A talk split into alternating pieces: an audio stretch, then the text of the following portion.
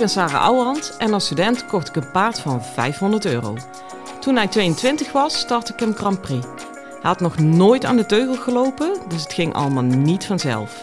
Het enige wat ik zeker wist was: never quit.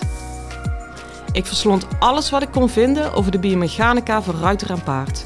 Dat testte ik net zo lang totdat ik wist wat echt werkte. In deze podcast leer ik jou alles over je rijtechniek, je houding en zit en je mindset. Want ook jij kan naar de Grand Prix gaan, zelfs als je geen miljoenenpaard hebt. Hey lieve paardenmensen. Ik heb mezelf net uh, even in mijn nekvel moeten pakken. Het is zaterdagavond, ook ik ben wel eens moe. En uh, ik heb toch nog een les afgesproken, maar dan niet om te geven, maar voor mezelf. Ik zit in uh, de laatste week voor de wedstrijd. En er was weinig andere ruimte dan deze. Ik denk, ja, specht dan maar op zaterdagavond. En uh, het werd anders te kort voor die wedstrijd. En daar hou ik niet van. Want stel, uh, op vrijdag heb ik nog les en op zondag wedstrijd. Dan wil ik toch nog dingen integreren. Ja, dan word ik hartstikke onrustig van als dat niet kan. Dus um, ja, ik dacht, weet je, beter ruimer van tevoren. Dat ik even moe ben, dat het even pijn doet op zaterdagavond. Maar dat ik daarna nog de tijd heb om het een week lang te integreren. En wat is een week? Joh, die vliegt voorbij. Dan dat ik straks aan het einde zit te denken van, oh ja, shit, hier moet ik aan denken, daar moet ik aan denken. Want dingen die je in de proef nog moet bedenken, daar ben je eigenlijk altijd te laat voor. En wat je lukt, geef jezelf daar gewoon een bos bloemen voor. Maar wat niet lukt, geef jezelf een knuffel. Want onder spanning, onder vreemde omgeving, het is toch altijd anders. Kortom, ik, uh, ja, ik ga zo beginnen met die les. Dus het voordeel is wel, er is geen hond op stal. Het is doodstil. Vind je het heel gek op zaterdagavond? Dus ik heb dadelijk uh, de totale voor mezelf. Nou, dat is ook op zich niet verkeerd, hè? Hey, ik ben uh, overdag uiteraard weer aan de slag geweest. Ik heb een clinic gegeven, dit keer in Kaam. En uh, daar was één les bij, dat vond ik wel met stip de meest interessante.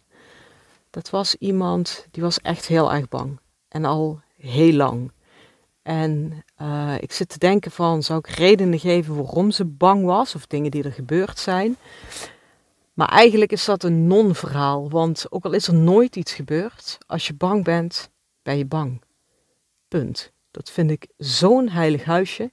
En ik ben echt de aller, aller, allerlaatste instructrice die angst gaat zitten weglullen. Want ten eerste, ik word er doodmoe van. En ten tweede is het voor de ruiter ontzettend ontmoedigend om de hele tijd te horen waarom die niet bang hoeft te zijn, terwijl ze toch bang is. Dus ja, weet je, als je heel graag water naar de zee wil dragen, dan moet je dat uh, gaan doen. Dus ik heb dat eigenlijk helemaal omgedraaid. Ik ben ook meteen uh, begonnen. Het begon ook met een excuus waarom ze bang was. En ook een stukje schaamte. En dat heb ik eigenlijk meteen gezegd. Ja, hier stop, stop de excuses en de schaamte. Je bent bang. Punt. En je hoeft mij niet eens uit te leggen waarom. Want als je dat gaat doen, dan ga je er bij voorbaat alweer tegenin zitten knokken. Dan gaat je lichaam alleen maar op reageren. Ja, en wat je paard daarmee doet, hoef ik ook niet uit te leggen. Hè? Dus ik draai dat finaal om en ik laat die angst er eigenlijk helemaal zijn, hoe oncomfortabel het ook is. Want ik geef het je te doen. En ik heb wel eens vaker gezegd, weet je, de echte cowboys, hè, de echte helden, zijn de mensen die bang zijn en toch rijden. Als we dat nou eens ons gingen bedenken. Um, je kent allemaal van die ruiters. Ja, daar kun je echt vet tegenop kijken. Ik ook soms. Ja, dan zie je ze maar lood op de poetsplaats staan. En die komen dan echt kei relax aanlopen. En uh, die nemen hem doodgemoedereerd mee naar de baan. En die stappen op. En 9 van de 10 keer gaat dat dus nog goed ook. Ja, weet je, daar kunnen we met z'n allen huizenhoog tegenop kijken. Maar is het wel zo stoer? Want die ruiters voelen oprecht geen angst. Dus waar moeten ze doorheen? Helemaal nergens erheen. Terwijl het bange vogeltje dat je op een paard ziet zitten knokken, ja, die zitten ergens doorheen te werken. Wat is nou stoerder? Dus dat maakt ook dat ik altijd in zulke situaties meteen denk: het is oké, whatever, je zit erop. Dit is jouw heldendaad van de dag. En vanaf hier we zien wel. Ja? Ehm, nou, deze zei wel iets, en ja, ik, ik, wil het woord fout gaan noemen, maar eigenlijk hou ik niet van fout. Het is in ieder geval de meest gemaakte vergissing bij ruiters die bang zijn. En dat is als volgt. Die gaan dan rondstappen, zichzelf continu zitten te vertellen dat ze moeten ontspannen. En ondertussen met heel hun hart zitten te hopen dat het goed gaat. Maar onder de streep doen ze dus niks, hè? Want kijk mij eens zitten te ontspannen. Ja, weet je, dat is gewoon een verkapte freeze-stand. Je hebt verschillende reacties op angst. Hè? Ik hoop dat bijna iedereen die inmiddels kent. Het is uh, vluchten, freeze. Ehm, ja, nou, nou zeg ik, ik hoop dat iedereen het kent. Maar uh, ja, agressie, vechten. En volgens mij is, is dat hem. Dit is wel heel slecht, hè? Maar goed, je snapt wat ik bedoel.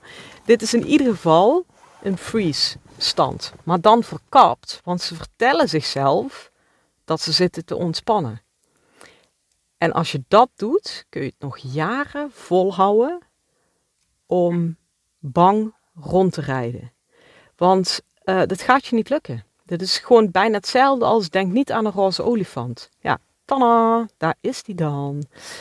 Wat je veel meer aan hebt. En met name als je bij angst de freeze stand krijgt, of het verlammende gevoel en ik durf niet en ik kan niet en ik wil niet en waarom ben ik hier? Ehm, dan is het zaak om in de goede zin des woords je controle te krijgen. En lief mensen, dat krijg je niet door alleen maar te ontspannen. Ik snap wel waar dat hele idee van ontspannen vandaan komt. Maar dat is zo'n ontzettend containerbegrip. Ik moet ontspannen.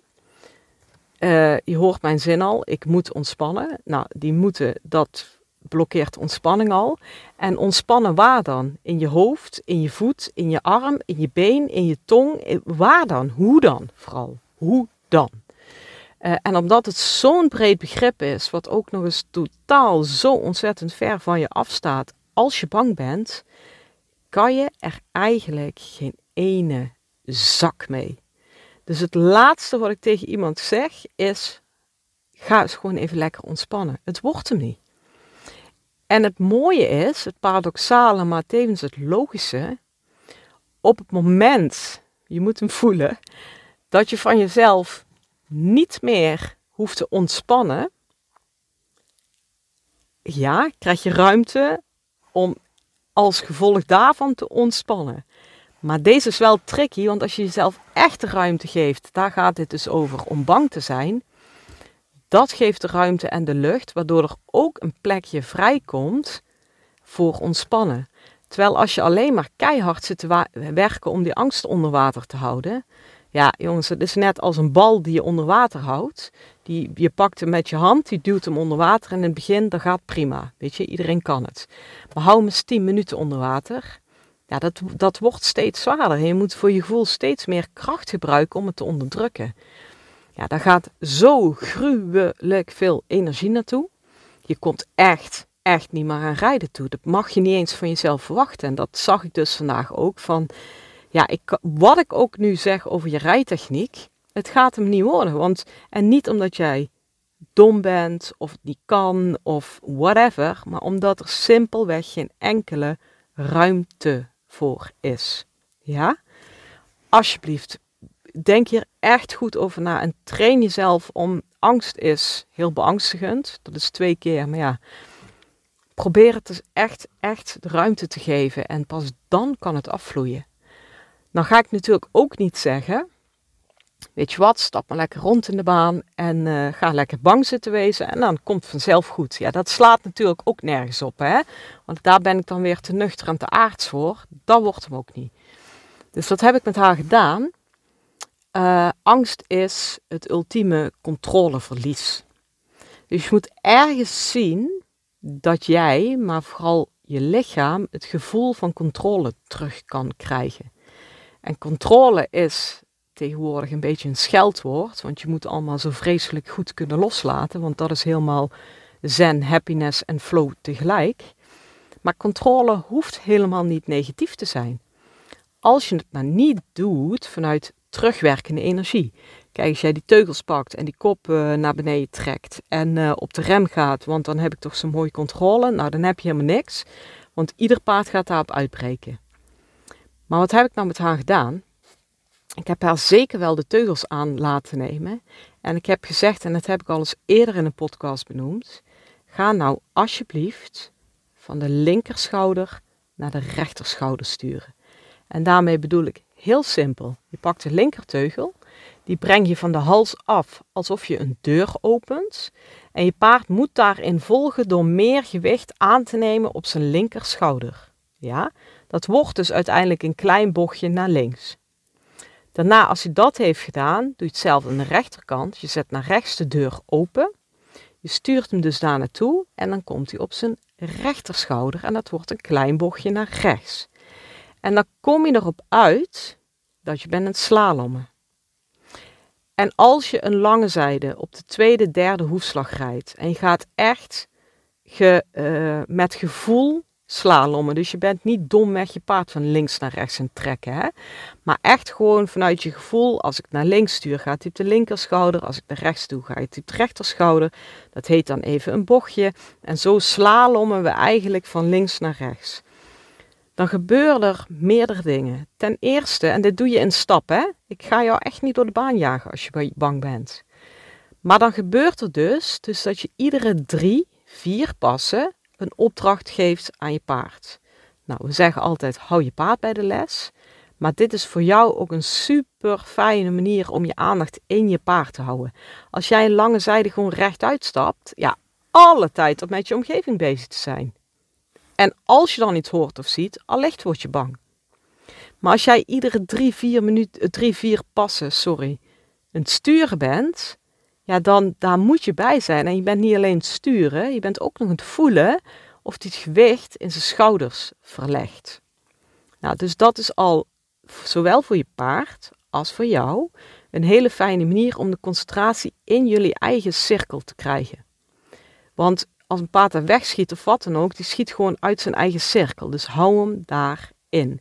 Dat is ook een fijne manier om toch te sturen en met de teugelvoering bezig te zijn zonder dat je terugwerkt. Want je werkt van de hals af en je doet niet je handen naar achter. Ja? Wat anatomisch gezien heel belangrijk is, als een paard spant. Stel, uh, ze zien iets. Hè? Iedereen kent dat gevoel en hij doet snel zijn hoofd omhoog van, hey, fuck, wat is daar? Ja, dat is de grootste angsttrigger die er voor een ruiter kan zijn. Maar wat gebeurt er dan bij paard? Die zet zijn schoft vast, want dat hoofd komt omhoog, die schoft die knijpt en dat is eigenlijk het moment waarop die af kan gaan. Maar, en nou komt hij, het is voor een paard, anatomisch gezien, onmogelijk om zowel van links naar rechts door zijn schouders gestuurd te worden, als tegelijkertijd zijn schoft vast te zetten om af te gaan. Dus ook het paard geeft dat heel veel rust. En je hebt op het moment dat je spanning voelt komen, een heel duidelijke manier om invloed uit te oefenen, namelijk links, rechts, links, rechts, waardoor die schoft wel open en los moet gaan en dus mentaal die spanning af kan vloeien. Snap je? Dus uh, ja, ik zag ook, ik was met iemand anders nog aan het werken, die vond ook iets spannend.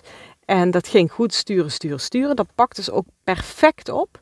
Uh, met heel veel gevoel. En toen kwam er een ander paard binnen en dat beestje keek even en zei ze... En ze stopte acuut met sturen.